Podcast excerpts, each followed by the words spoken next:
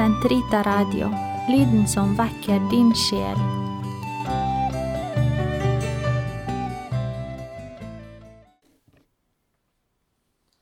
Den katolske kirkes katekisme, uke 11, torsdag, paragraf 1217 til 1228.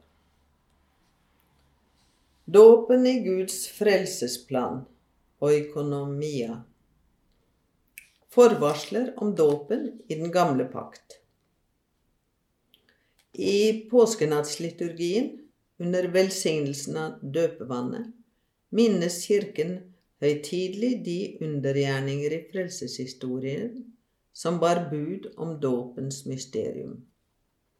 Allmektig evig Gud, gjennom din usynlige makt virker du store gjerninger i dine sakramenter.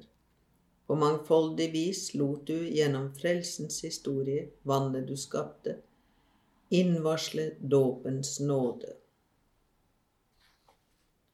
Siden skapelsens morgen har vannet, Guds ydmyke og samtidig så herlig skapning, vært kilde til liv og fruktbarhet. Den hellige skrift fremstiller det slik at Guds ånd ruget over vannet.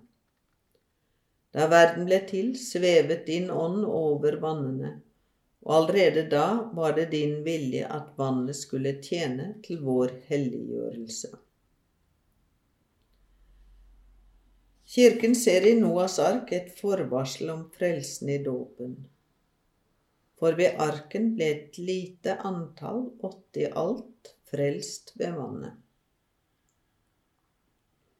I syndfloden ga du oss et tegn på vår gjenfødelse, og lot synden gå under og det gode gjenoppstå ved det samme element.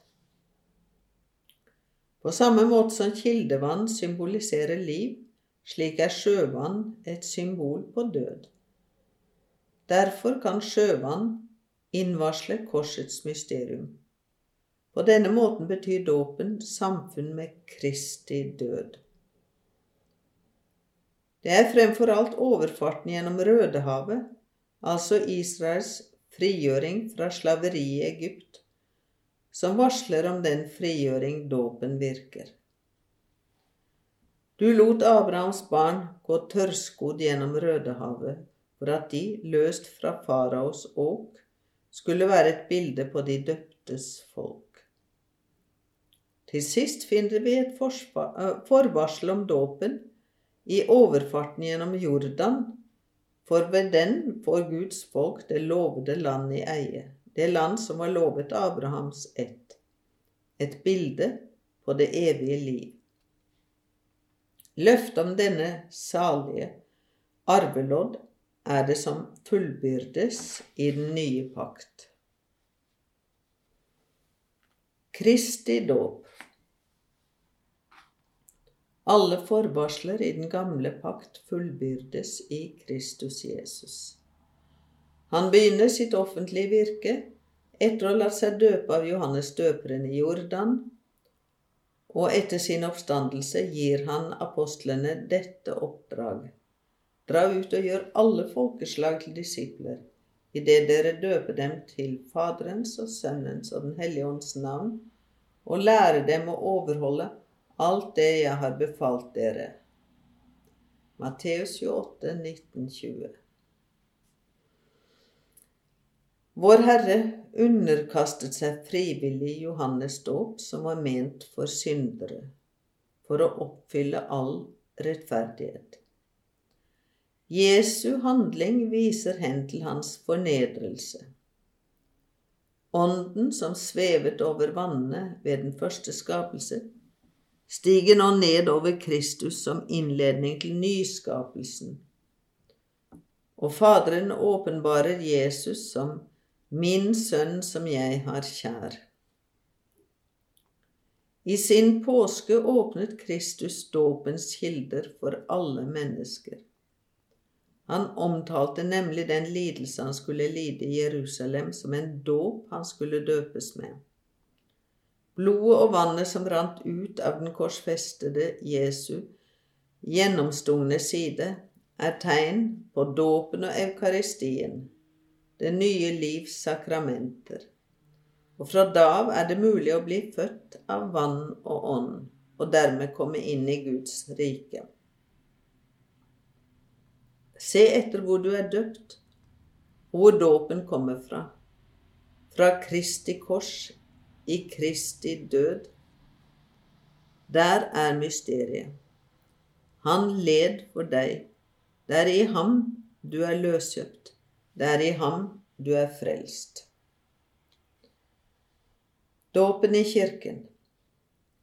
Alt fra pinsedag av har Kirken feiret og meddelt den hellige dåp.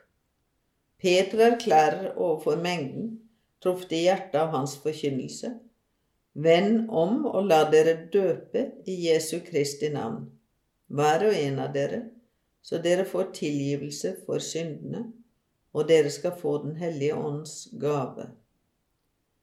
Apostlene og deres medarbeidere tilbyr dåpen til enhver som tror på Jesus, jøder, gudfryktige og hedninger. Dåpen står alltid i forbindelse med troen. Tro på Herren Jesus, så skal du og dine bli frelst, sier Peter til fangevokteren i Filippi. Deretter fortelles det, og fangevokteren ble straks døpt med alle sine. Ifølge den hellige apostel Paulus får den troende i dåpen samfunn med Kristi død blir gravlagt og oppstår med ham. Alle vi som ble døpt til Kristus Jesus, ble døpt til hans død. Vi ble altså begravet med ham da vi ble døpt med denne dåp til døden, for at vi skal leve det nye livet, liksom Kristus ble reist opp fra de døde ved Faderens veldige kraft. Romerne 6, 3, 4. De døpte har kledd seg i Kristus. Ved Den hellige ånd er dåpen et bad som renser, helliggjør og rettferdiggjør. Dåpen er altså et bad i vann hvor Guds ords uforgjengelige sæd virker til liv.